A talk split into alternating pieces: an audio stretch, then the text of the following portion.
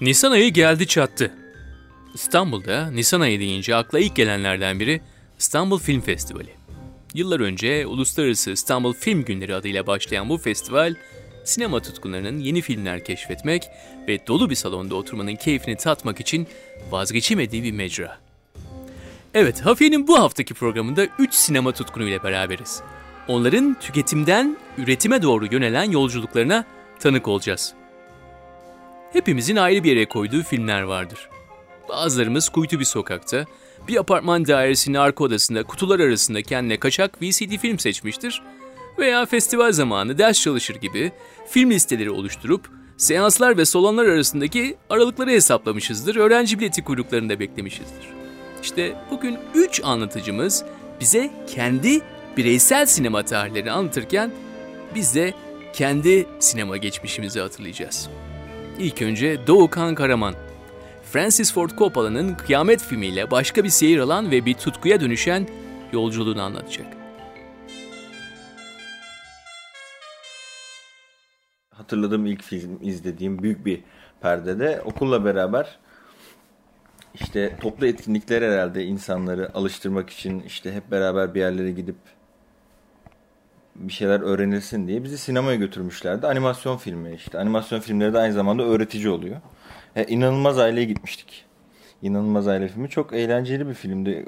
E, ilk kez sinemada mısır yemiştim o gün. Mısırı da zaten filme girmeden önce bitirmiştim. Hala da öyle oluyor zaten. Sinemada mısır yemeyi pek sevmiyorum aslında. Birazcık sinema severler buna karşıdır. Film izlerken bir şeyler yenmesine ama o salona girmeden önce o mısırı hep bitirdiğim ilk günde o zamandı. Ondan sonra hatırladığım e, babam eve VCD almıştı. O zamanlar VCD'ler ufalmıştı iyice ve eve işte bizim televizyona bağlamışlardı. Ee, ve yanında alırken de babam biz de izleyelim diye iki tane film almıştı. Biri e, Kayıp Balık Nemo'ydu. Diğeri de Neredesin Firuze. İki tane film almıştı. O zamanlar işte VCD aldığı dönemde çıkan filmler. Bunların bir tanesi hatta bunlar tabii VCD izlenebildiği için orijinal filmlerde değillerdi. Bir tanesi sinemada çekilmişti. Ama ben o film iki tane filmimiz vardı ve babam uzun süre hiç film almamıştı eve. Ben Kayıp Balık Nemo'yu belki beş kere evde işte Neredesin Firuze'yi de üç kere. Tabii o zamanlar anlamadığım için, hoşlanmadığım için belki. İzliyordum böyle okuldan gelince, okulda öğle arasından gelince böyle arada takıp sadece sevdiğim yere sarıp işte o zaman da ileri geri sarmayı, bir şeyleri öğreniyordum. Sadece komik yeri, sevdiğim yeri ileri geri sarıp izliyordum öyle. Ondan sonra zaman geçtikçe mahallede VCD satan e, yeri öğrendim. Arkadaşımla beraber gidip oradan bir e, VCD alıyorduk. Eve geliyorduk. E, izliyorduk, beraber izliyorduk. Birkaç gün kalıyordu. Sonra gidip onu verip yenisini alıyorduk. Böyle değiştire değiştire. O zamanlar film izlemeye başlamıştım. Yani sürekli olarak en azından haftada iki kere hafta sonları gidip bizim pazar kuruluyordu. Pazardan VCD alıyordum. İlkokul yıllarında böyle geçti. İşte arkadaşlarla beraber e, bu işte iki, iki bilet alınca indirim olması bilmem ne böyle toplu etkinlikler yapıyoruz kendi aramızda. Bir şeyler yapıyoruz. Halk günü oluyor sinemada. O zamanlar tabii kendi başımıza da gidebiliyoruz. Arkadaşlar toplanıp 3 kişi 5 kişi gidip yakın zamanda çıkmış filmler. Filmi hiç seçmiyoruz. Asla yönetmene bakmıyoruz. Yani yönetmenine hiç ilgilenmiyoruz. Film ne ünlü bir film. Televizyonda reklamını gördük ama internette duydum güzelmiş. Hadi gidelim o zaman. Gidiyoruz filme giriyoruz. İzliyoruz. Filmden bahsetmek yok. Bir şeyler yapıyoruz böyle sonra iki gün sonra filmi de unutuyoruz. Gittiğimizi de unutuyoruz. Sadece o bizim için bir etkinlik aracı oluyor. Yani sosyalleşmek sadece. Sinema belli bir ya uzun bir süre. Ben liseye geçene kadar sadece sosyalleşmekti benim için.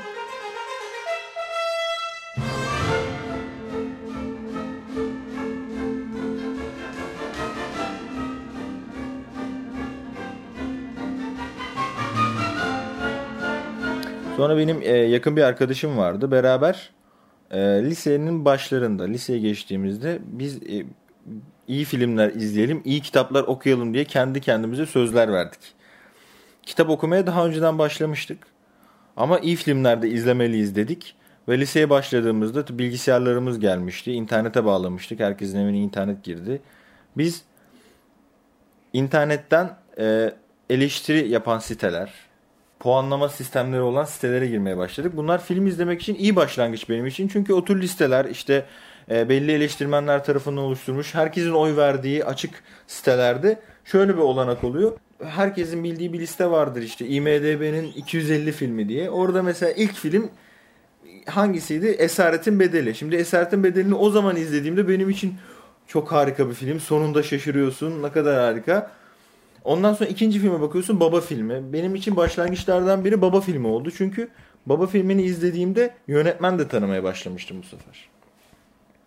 Filmi izledim. Film harika. Ee, zaten yapımızdan dolayı silahlı işte böyle mafya filmlerini seviyoruz. Yetişme şeklimizden dolayı bu topraklar seviyor. Ben de zaten direkt sevdim. Sonra bu filmin yönetmeni kimmiş diye bir de seri film olduğu için işte Coppola ismini duydum. Ve ben sırayla filmleri izledim. Tarihe göre gidiyorum. Seri olanları izliyorum ve bir filme rastladım. Bu film benim için çok büyük bir böyle şey oldu. E, kitaplarla da bağlantısı olduğu için aynı zamanda bir kitaptan çevirme film. E, Apocalypse Now diye. Kıyamet diye bir film. İlk başta isminden dolayı çekiniyorum. Yine savaş filmi mi acaba hani iyi bir yönetmen ama ya yine Amerikan filmi çekmişler işte acaba propaganda mı yapıyorlar diye. Böyle korka korka filmi izledim ve film bittiğinde benim için ya böyle herhalde duvara baktığım böyle bir yarım saatim vardır filmi düşünürken. Çünkü filmin kitabı Karanlığın Yüreği de bir yolculuğu anlatıyor ve film e, kitaptan uyarlama. Tarihler tutmasa bile bir geziyi anlatıyor ve bu gezi bir nehrin üzerinde Vietnam Savaşı'nda bir e, işte savaşın başlangıç noktasından Kamboçya'ya uzanan bir yolculuğu anlatıyor ve yolculukta yüzlerce insanla karşılaşıyor, yüzlerce askerle karşılaşıyorlar bir askeri arıyorlar. Bu askeri ararken oradaki askerlerle, erlerle, geminin içindekilerle herkesle karşılaşıyor. Orada Vietnamlılarla karşılaşıyorlar ve her şeyi anlatıyordu. Yani film bir yolculuk boyunca bir insanla, e, benim filmleri izlemekte amacım tabii insan tanımak. Daha çok psikolojik filmlere ilgimden dolayı. Orada bir insanın her türlü yönünü görebiliyordum. O kadar güzel anlatmıştı ki ve en sonunda bayağı derinleşerek ve müzikleriyle beraber beni içine çekti. Çok uzun bir filmdir. Bir de filmin iki versiyonu vardır. Bir uzun versiyonu bir de kesilmiş bir versiyonu vardır. Film 3 saate varıyor. 3 saatten çok az kısa. 3 saat boyunca seni içine çekiyor. Ben gece 2'de iz, 2'de izlemeye başlamışım. Yorulmuşum ama filmin yarısından sonra kendime geliyorum. Böyle düşünmeye başlıyorum e, filmin müzikleriyle ben düşüşler yaşıyorum, çıkışlar yaşıyorum. Bazı sahnelerde film hızlanıyor, yavaşlıyor. Ben ona göre dönüyorum. Arkadan konuşma sesleri var filmin içine kaydedilmiş. Onlar benim kulağımda çınlıyor. Bambaşka bir şeyin içine girmiştim ve bir şekilde böyle filmler izlemeliyim. Her şeyi içinde bulunduran ya da bulundurmuyorsa bile insanı anlatan filmler izlemeliyim kararı aldım. Benim için başlangıç oydu.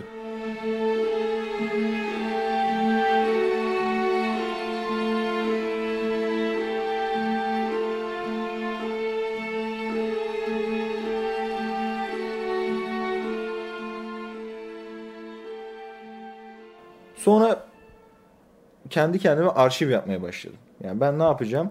Filmleri izleyeceğim ve büyük filmleri ben kendim biriktireceğim. Biriktirmekteki amacı, amacı o zaman da şu anda bilmiyorum ama biriktirme fikri tabii çok sevdiğin şeyleri biriktirme, bulundurma fikri o zamanlar iyi geliyordu. Filmler üzerine yazılar okuyorum. Sonra yazılar dediğim işte birilerinin yazdığı yazılar. E, filmi bulduğum, yönetmenin kim olduğunu bulduğum sitedeki yazılar, birilerinin film hakkında söylediği yazılar, bir röportaj varsa röportajlar. Bu röportaj şeyi de aslında Apocalypse Now'la başladı. Çünkü filmi ben internetten izledikten sonra dedim ki bu film bende bulunmalı. Ve hemen koşup bir e, DVD'ciye gittim. Ya daha doğrusu bir kitapçıya gittim. Orada onun DVD'sini aldım ve iki tane DVD çıktı içinden. Bir de bonus DVD çıktı. İçinde e, yönetmenin Cannes Film Festivali'nde verdiği röportaj. Sonra filmin e, devrim niteliğinde bazı yönleri var. İşte teknolojik anlamda. Onları dinledim ve filmin sadece gördüğün kısmıyla olmadığını bir de arka planında büyük büyük şeyler döndüğünün farkına vardım ve bu büyük şeylere göre de arka planda olan şeylere göre de film seçmeliyim. İşte acaba ne yenilik getirmiş buna göre film seçmeliyim diye kendi kafamda bir sürü fikirler oluşmaya başladı. Ondan sonra listeler, yönetmenlerin hayatları, yönetmenler nasıl bir eğitim almış hatta oralara varan kimlerle bağlantılı kimlerle beraber film çekmiş aralarında konuşan yönetmenler var mı arkadaş olanlar var mı İşte bunlar birbirine benziyor mu? Beraber film çekmiş olanlar var mı? Bunlara varan böyle bir sürü bir sürü şeylerle ilgilenmeye başladım ve kitaplar, dergiler. Tabii en çok dergilerle ilgileniyorsun o dönemlerde. Çünkü dergiler daha sıcak. Hem gündeme hem de geçmişten dosyalar oluşturuyorlar. Bunları internetten bulabiliyorsun. Gidip alabiliyorsun çabucak. Gazetelerde e, sinema üzerine yazanlar var mı? Bunlarla sürekli ilgileniyorum. Gidiyorum. E, lise hayatımın belli bir dönemi belki bir senesi tamamıyla sinema hakkında bir şeyler biriktirmek. Hem zihnimde hem de bilgisayarda, dijital ortamda ya da evde. Kutuların içine dergi biriktirmeler. Acaba geçmiş sayıları bulabilir miyim? Acaba şöyle bir sayı varmış. İşte bir yerlere birilerine gidip soruyorsun. Ya da gidiyorsun dergiye mail atıyorsun. Bu sayı var mı? Bu sayıyı bulabilir miyim acaba sizden diye. Sürekli olarak bunlarla ilgilenmeye başlıyorum. Bir senem böyle geçti. İşte gecelere kadar film izlemeler. Okulda birilerini bulur muyum acaba?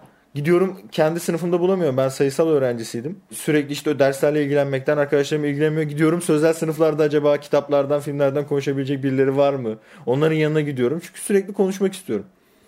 Bunları da böyle yavaş yavaş bulmaya başlıyorsun. Kimlerle konuşabilirsin? Hiç tanımadığın insanlarla internet üzerinden konuşmaya başlıyorsun. Sayfaları takip etmeye başlıyorsun. Yorumlar yapmaya başlıyorsun. Hiçbir yere gitmeyen yorumları gidip filmin altına yazıyorsun. Yani ne olacağı belli değil ama sürekli bir fikrini paylaşma film hakkında konuşma başlıyor. Ve film izlemeye karar verdiğimiz ve biz iyi filmler izleyeceğiz dediğim arkadaşımla biz bir şey karar verdik ve biz bir şey çekebilir miyiz acaba dedik. Çünkü iyi yönetmenleri takip etmeye başlayınca onların teknik yönlerini de takip etmeye başlıyorsun. Neleri yapmış. Sonra birileri onlar hakkında ışığı iyi kullanmış diyor filmde bir yazıda ve ışık neymiş acaba diyorsun. Işık nasıl kullanıyormuş acaba diyorsun ve kendin de bakıyorsun. Senaryosuyla ilgili konuşuyorlar. Belli yönetmenler senaryolarıyla çok meşhur. Sonra acaba senaryo öğrenmek için bu yönetmeni mi izlemeliyiz diye böyle karar listeler yapıyoruz. Belli sıraları koyuyoruz. Gidiyoruz kitaplar alıyoruz. İşte sinema nasıl yapılır, senaryo nasıl yazılır diye kitaplar alıyoruz. En azından almasak bile onlara bakıyoruz. Böyle böyle yavaş yavaş arkadaşımla daha böyle ciddi anlamda sinema yapma kararı alıyoruz.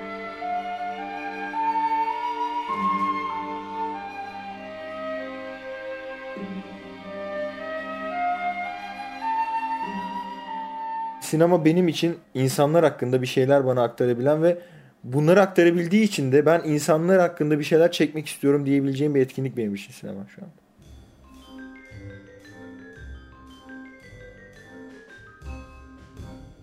Üniversitede sayısalcılardan hayır gelmeyince filmlerden konuşmak için sözelciler tarafına geçen Doğukan'dan sonra şimdi sırada Ali Rıza Dürü var. Ali Rıza Çukur'da bir köyde gökyüzündeki yıldızları izleyerek geçirdiği çocukluğundan başlayarak Sonsuzluk ve Bir Gün adlı filmi izlemesiyle genişleyen dünyasında dolaşacak.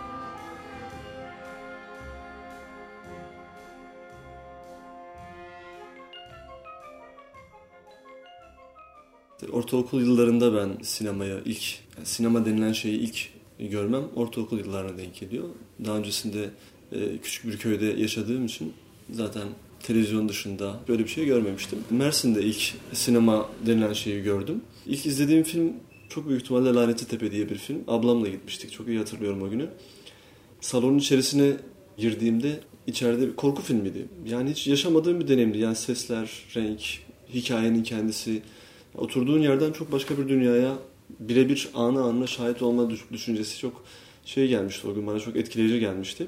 İlk tanıştığım yıllar böyle bir ortaokul yıllarında denk geliyor ama yani o çok hayatımda yer etmedi tabii. O, o zamandan sonra e, doğrudan böyle hayatıma çok yer eden, sürekli bundan sonra hep sinemaya gitmeliyim düşüncesi yaratan bir film olmadı o maalesef.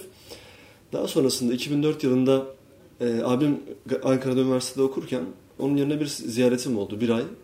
Onun ev arkadaşlarından biri var. Yürüme engeli de olduğu için oturduğu yerden çok fazla şey üretmeye gibi bir şey vardı böyle e, özelliği gelişmişti zamanla. E, şiir üretiyor, sürekli film izliyor, inanılmaz derecede bir film izleyicisi. E, abim okulda olduğu için ben de gün içerisinde hep Gülbahar'la birlikte onun odasında onunla oturuyoruz, sohbet ediyoruz. E, şiir üzerine konuşuyoruz. Ben de o zamanlar şiirle çok yakından, ben daha çok edebiyatla ilgileniyordum. Sinemadan ziyade edebiyatla ilgilendiğim bir zaman dilimi bu. E, hem şiirle ilgileniyor hem sinema. Yani benim açımdan sinemaya açılan kapı oradan başladı. Aslında şiir üzerinden başladı. Gülbahar ise bana e, şiirle sinemaya açılan bir kapı aradı ilginç bir şekilde. Ve o da e, Angelo Polus'un işte Sonsuzluk ve Bir Gün filmi izlediğimizi çok net hatırlıyorum o filmi izlediğimizi. Bundan 12 sene önce. Filmi izlediğimde yani şiirle zaten ilgileniyorum ve filmin tamamı bir uzun bir şiir gibi hissettim tamamen filmin tamamını. E, filmi yani sinemayı ilk tanışım olarak o, o günü düşünüyorum hep. Daha önceki izlediğim, ortaokul yıllarında izlediğim o filmlerden ziyade Sonsuzluk ve Bir Gün filmi bende o dünyaya açılan kapı olmuştu. Ve onlar o zamanlar kısa film senaryosuyla falan ilgileniyorlardı. Kısa film denilen bir şeyden bahsetti bana. Kendilerinin yaptığı hatta e, stop motion tekniğiyle yaptıkları bazı şeylerden örnekler göstermişlerdi mesela. Oradan kısa film ulaşılabilir bir şey, yani yapılabilir bir şey diye bir düşünce de oluştuğu için ya ben de yapabilirim o zaman gibi bir e, süreç başladı kafamda ve ondan sonra işte senaryo yani filmi izlemenin yanında aynı zamanda film üretebilir miyim acaba gibi bir soru işaretleri de doğurdu. Dolayısıyla yani hiç aklımda yokken tamamen sinema denilen şeye odaklandı.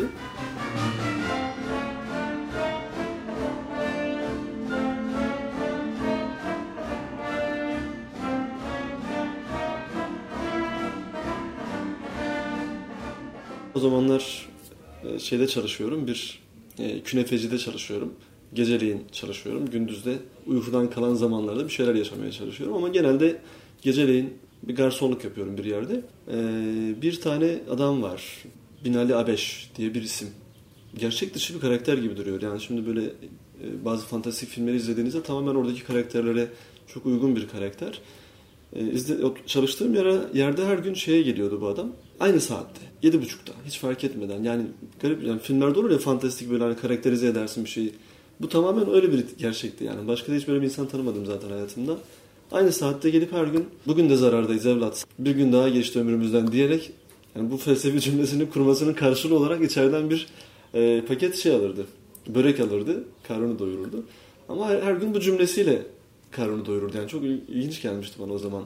2004 yılından bahsediyorum. E, 20 yaşındayım ben de. Böyle fantastik şeyler böyle ilgi çekici, gerçek dışı şeyler acayip ilgimi çekiyor. Bu adamın, bu adamın hikayesini yazmalıyım diye düşünen adam boyacıydı, ayakkabı boyacısı. Ama her gün gelip bu cümlesini kurarak içeriden bir börek alıp karnını doyurup daha sonra tekrar devam eden bir adam. Yani böyle bir hayat var. Yani sinema bir, bir kesit veriyor her zaman.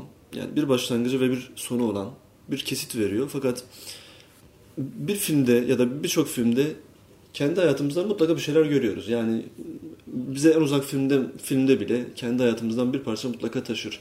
Bu taşıdığı parçaya kendi hayatımızdaki bakışımızla filmin içerisindeki yönetmenin bakışı veya işte o senaristlerin o parçaya bakışı aslında senin kendine dair üretebildiğin bir eleştiri ortaya çıkarıyor. Bende böyle bir etki yaratıyor. Aynı aynı şey var, aynı mesele var senin hayatında da ama filmin içerisinde de ama başka bir coğrafyada, çok uzak bir başka bir kültürde tamamen. Ama aynı mesele var. Senin içinde de aynı mesele var. Yaşadığın toplumda da aynı mesele var. Başka bir eleştiri biçimi var orada ve başka bir sonuç üretiyor. Senin kendi hayatında başka bir bakış açın ve başka bir sonucu var bunun. Dolayısıyla bunları kıyaslama şansı veriyor bana. Ee, ben köyde doğduğum için köyde çocukluğum hep küçük bir sınırdan hep gökyüzüne bakarak geçmişti. Yani küçük çukur çukurda olan bir köyden hep gökyüzüne bakarak geçmiştir e, çocukluğum. Dolayısıyla her zaman uzaktaki ışıklar, uzaktaki yani karanlığın içerisinde uzaktaki o en ufak parıltı veya en ufak bir hareketlik hayatım boyunca her zaman çok ilgimi çekmiştir. Bu konuyla ilgili de yani bizim var olduğumuz coğrafyanın ya da benim adım attığım coğrafyanın dışındaki bütün yerlerden gelen en ufak ışıltılar, en ufak kıpırtılar, hayat belirtileri, oraya ait her şey her zaman inanılmaz derecede gökyüzündeki yıldızlara bakar, bakarcasına aynı etkiyi veriyor tamamen bende. Ee, böyle bir etki yaratıyor. Başka bir dünyanın içerisine seni çekiyor ve oraya adım atamasan bile zihnin tamamen oraya odaklanabiliyor. Bir nevi ışınlanma biçimi gibi. Yani anlık o, o kültürü, o yaşantının tamamını an itibariyle o an göz göze geldiğin anda sana veriyor. Bu acayip yani mucizevi bir şey gibi geliyor bana çoğu zaman. Günlük hayatının reddettiği ama senin zihninin olmasını istediği, kabul ettiği her şey sinemada görebiliyorsun ve e, bu şekilde çünkü sinemada seçim de yapıyoruz. Yani rastgele her şeyi izlemiyoruz sonuç anlamda. Seçtiğimiz her şey aslında bizim bu anlamda e, bu ihtiyacımızı doyurmaya yöneliktir yani. E, işte yönetmenlerin, tarzların e, ya da ülkelerin, bölgelerin gibi sinemaları gibi detaylanmaya başlıyor. Ya bunların hepsinin tesadüfü değil de yani bunların hepsinin sebebi var.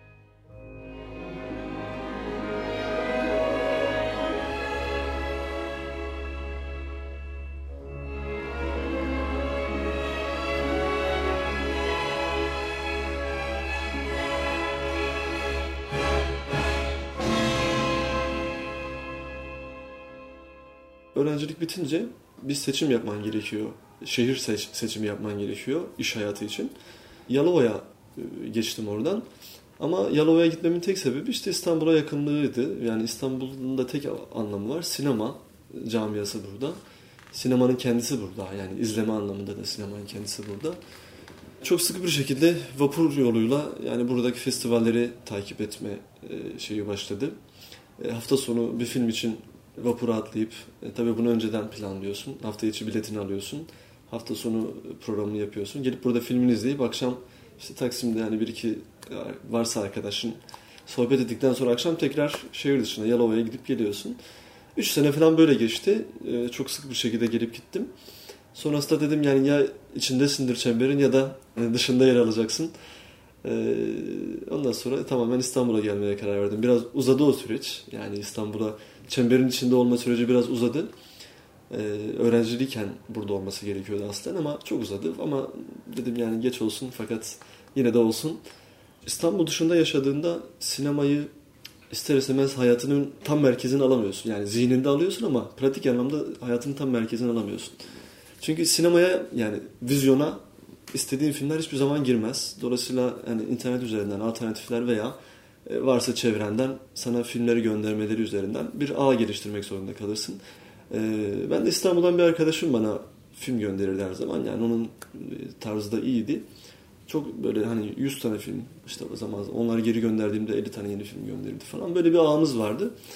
Ve şey demişti bana izledi, sana gönderdiğim filmlerle ilgili senin fikirlerini merak ediyorum. Dolayısıyla bana e, o filmlerle ilgili yani bir paragraf bile olsa senin fikrini yaz yani her izlediğin filmle ilgili. Böyle bir şey istemişti benden. Ben de ona bir iki yazdım falan gönderdim ama yani böyle yazıyorum gönderiyor bende bir kopyası yok. Sonra dedim yani bunun başka bir formülü olması lazım. Başka bir yani hem bende olacak hem de sadece o arkadaşım değil belki başkaları da okumak isterse falan gibi bir blog açmaya karar verdim oradan. Tamamen bu arkadaşımın o filmlerle ilgili fikrimi merak etmesi üzerinden gelişmiş bir şey. Bir blog açtım Edebi Filmler diye. Edebi Filmler Blogspot. Ee, orada o, o arkadaşımın yine ama yani sadece o arkadaşımın gönderdiği filmleri izliyorum ve orayla ilgili bir şeyler, kabaca bir şeyler yazıyorum. İzliyorum, bir şeyler yazıyorum. Sonra arkadaşıma dedim ki oradan bak yani daha pratik oluyor bir de hani günlük bakabiliyorsun falan ya ya da tekrar tekrar bakabiliyorsun falan. Daha sonra tabii e, yani zaman içerisinde baktım hani başkaları da okuyor. Hatta yani orada istatistikleri görebilince başka şehirlerden de insanlar ulaşabiliyor falan. Bu inanılmaz bir mucizevi bir şey gibi gelmişti bana. Çok benim böyle hayatımda çok etkilendiğim anlardan bir tanesidir. Başka şehirlerden hatta daha sonra başka ülkelerden falan böyle girişler olduğunu görmek. Ya dedim ben sadece arkadaşım okusun diye yaptığım bir şeydi bu aslında yayıldığını görüyorsun. Çok harika bir şey. Ee, hemen hemen izleyenlerin çoğu hakikaten bir şeyler yazıyor. Bunu ben de görüyorum yani. Ya senaryo yazıyor, ya eleştiri yazıyor, ya sinopsis yazıyor. Yani bir şekilde bir şeyler yazıyor yani. Ya da yani bir şekilde üretim aşamasına dahil oluyor daha doğrusu. Yazmak değil sadece ama o üretimin içerisinde mutlaka e, yani tüketenler mutlaka bir süre sonra üretmeye başlıyor. Bu zannediyorum e, işin diyalektiğinde var galiba böyle bir şey aynı zamanda. Zaten bir de herhalde bir şeyler üretmeye hevesli insanlar da aslında bunu daha nitelikli bir şekilde tüketiyor biraz da sinemanın kendisini veya bütün yani edebi eserler içerisinde söyleyecek olursak.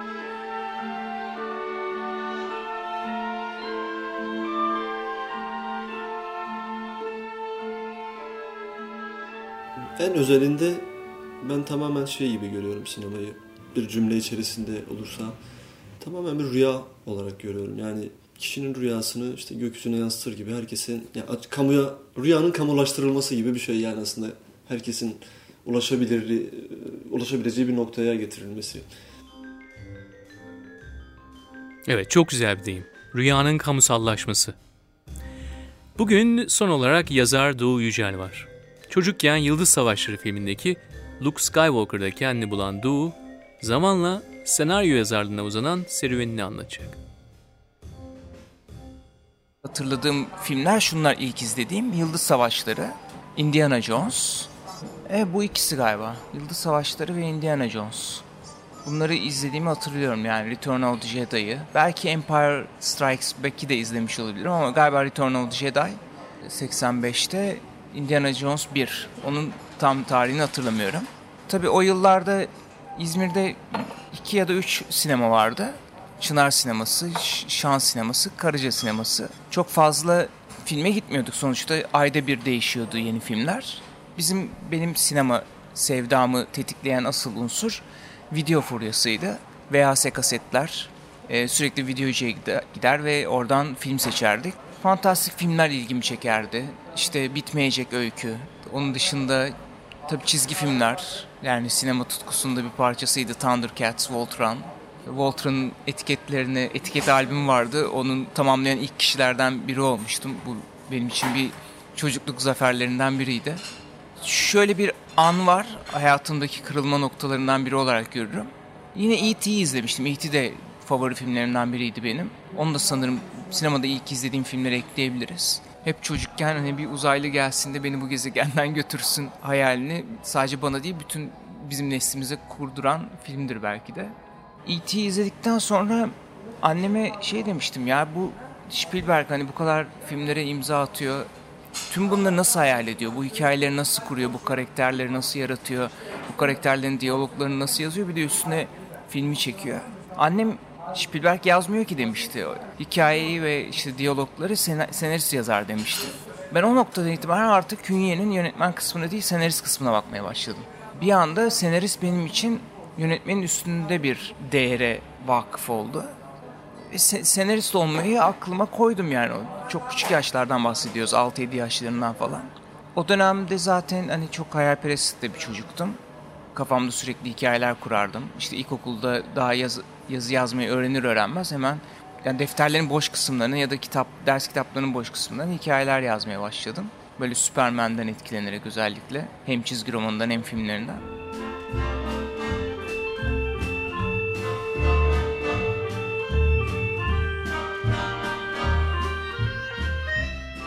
İzmir'de yaşadığım için daha çok tabii ki İz, İzmir'deki festivaller, İzmir Film Festivali. Daha sonra Gezici Film Festivali de İzmir'e uğramaya başladı. O orada sinema kültürümü geliştirmeye devam ettim. İstanbul Film Festivali ile de ilişkim aslında İzmirli olmama rağmen üniversite yıllarında başladı. Kendi bölümümü çok sevmediğim için vize tarihlerine denk gelmediği sürece ben bayağı hani iki hafta burada arkadaşımda kalır İstanbul'da. Böyle bir ders programına, bir kurs programına gelmişim gibi farklı bir şehirde. Bütün gün film izlerdim. Ve kendi çapımda rekorlar kırardım. Benim çok komik bir anım var. ee, İzmir'de İzmir Film Fest Festivali sırasında Cronenberg'in En Butterfly Jeremy Irons'ın oynadığı film gösteriliyordu. Ben tek başıma gitmiştim. Ben bu arada bunu da çok önemsiyorum tek başına sinemaya gitmeyi. Son kitabımda sadece bu konuyla ilgili bir öykü de var. Sinemaya tek başına gidenler diye. Çünkü en büyük hazzı sinemaya tek başına giderken yaşıyorum. Başkasıyla gittiğimde onun ne düşündüğüne takıldığım oluyor. İşte en ufak bir oflaması beni filmden uzaklaştırıyor. Gibi gibi negatif durumlar var bence başkasıyla sinema gitme konusunda. O yüzden tek başıma sinemaya gitmeyi çok severim. Özellikle festivale, festival filmlerine tek başıma gitmeye çalışıyorum. Çünkü zaten hani festival biletleri çıkıyor.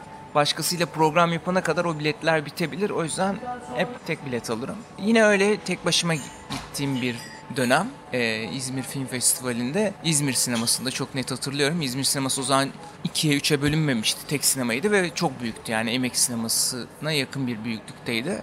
Salon tamamen dolu. Nerede oturduğumu dahi hatırlıyorum. Sağda böyle ortalarda bir yerdeyim. Bir anda projeksiyon ışığının önünde kelebek mi kuş mu olduğunu anlayamadığımız bir şey belirdi. Sonra onun kuş olduğu meydana çıktı. Ama projeksiyon ışığının önünde kanat çırpıyor ve sabit sanki böyle bir hologram gibi. Ben önce bir dedim herhalde filmin bir parçası gibi düşündüm. Sonra kuş aşağı doğru pike yapmaya başladı anladım ki tuhaf bir şey var yani bu filmin parçası değil. Çünkü bir yandan işte filmin adının Butterfly olması bilmem ne orada bir kuş e, metaforu var falan. Hani öyle bir şey mi derken artık onun bir metafor falan filmin parçası olmadığı anlaşıldı ve kuş artık böyle seyircilere doğru dalışa geçmeye başladı. Ve o noktadan sonra ben dedim ki burada bir tuhaflık var. Bu bir kuş ya da bir kelebek metaforu değil. Sinemanın bir parçası değil. Ee, ve hafif tırsmaya başladım. Ama dedim ki yani bu 500 kişilik bir salon tahminen. Birine giderse de bana gelmez diye kendimi böyle teselli ediyorum. Ama dediğimi tam tersi oldu ve kuş direkt bodoslama bana doğru geldi ve beni gagalamaya başladı. ben orada kuşla mücadele etmeye başladım. Çantamla işte onu savuşturmaya çalıştım falan. E, kuş böyle koltuğumun altına kaçtı. Orada ne yapacağımı şaşırdım. Kanatlarını çırpıyor falan filan. Sonra kuş bir şekilde arkadan fırladı ve tekrar salonda uçmaya geçti. Ve bir süre sonra da kayboldu.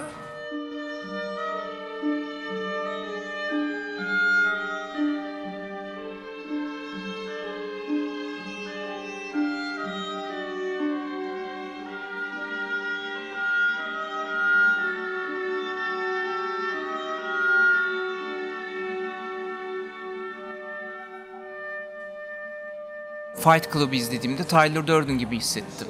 Leon'u izlediğimde hem Leon gibi hem Matilda gibi hissettim.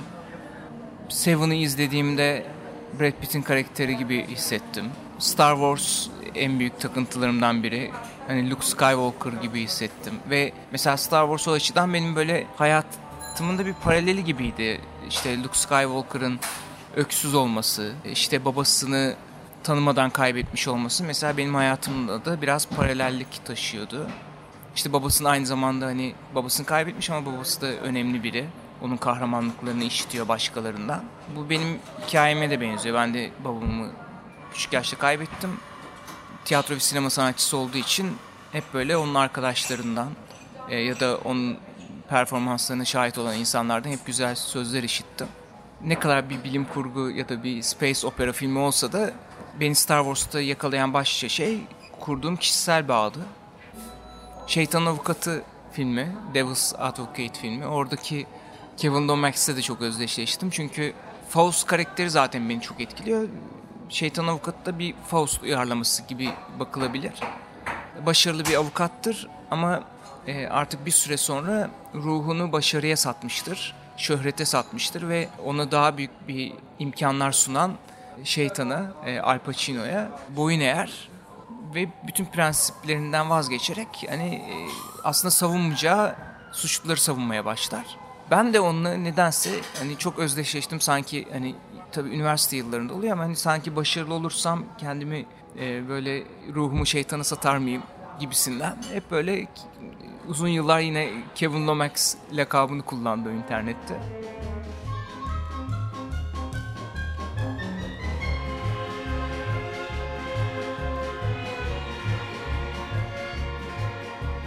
Sinema bence hayata sihir katan şeydir. Tam olarak hayatın çünkü tam olarak hayatın aynısı değildir.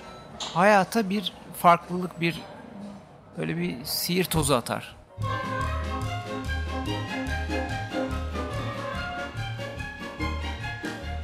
Doğu'nun Okul ve Küçük Kıyamet adlı filmlerle sinemaya uyarlanan senaryolarını doğuyucel.com adresinden indirebilirsiniz.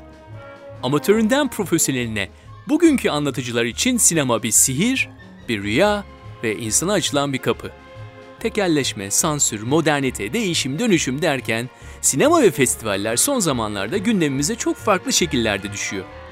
Bugünkü programda ise sinemanın hala duran o naif dünyasını anlatıcılarımızın gözünden size tekrar hatırlatmaya çalıştık. Biliyorsunuz ki 1118.com'da yayın ekibimizle birlikte Hele de kulaklarınız yanınızdaysa her an her yerde dinleyebileceğiniz programlar hazırlıyoruz. Bu haftaki programda emeği geçenler ben Onur Ak hikaye avcımız Enes Kudu, çizimleriyle Melih Karaoğlu, sesleri ve müziğimizi düzenleyen stüdyo kolektif ekibinden Özgür Akgül ve 1118 yayın direktörümüz Berna Kahraman. Seanstan seansa koşup hayatlarına başka hayat sokanlara selam olsun. İz bırakan filmler hashtag ile canlanan festival sokaklarında dolaşmanız dileğiyle.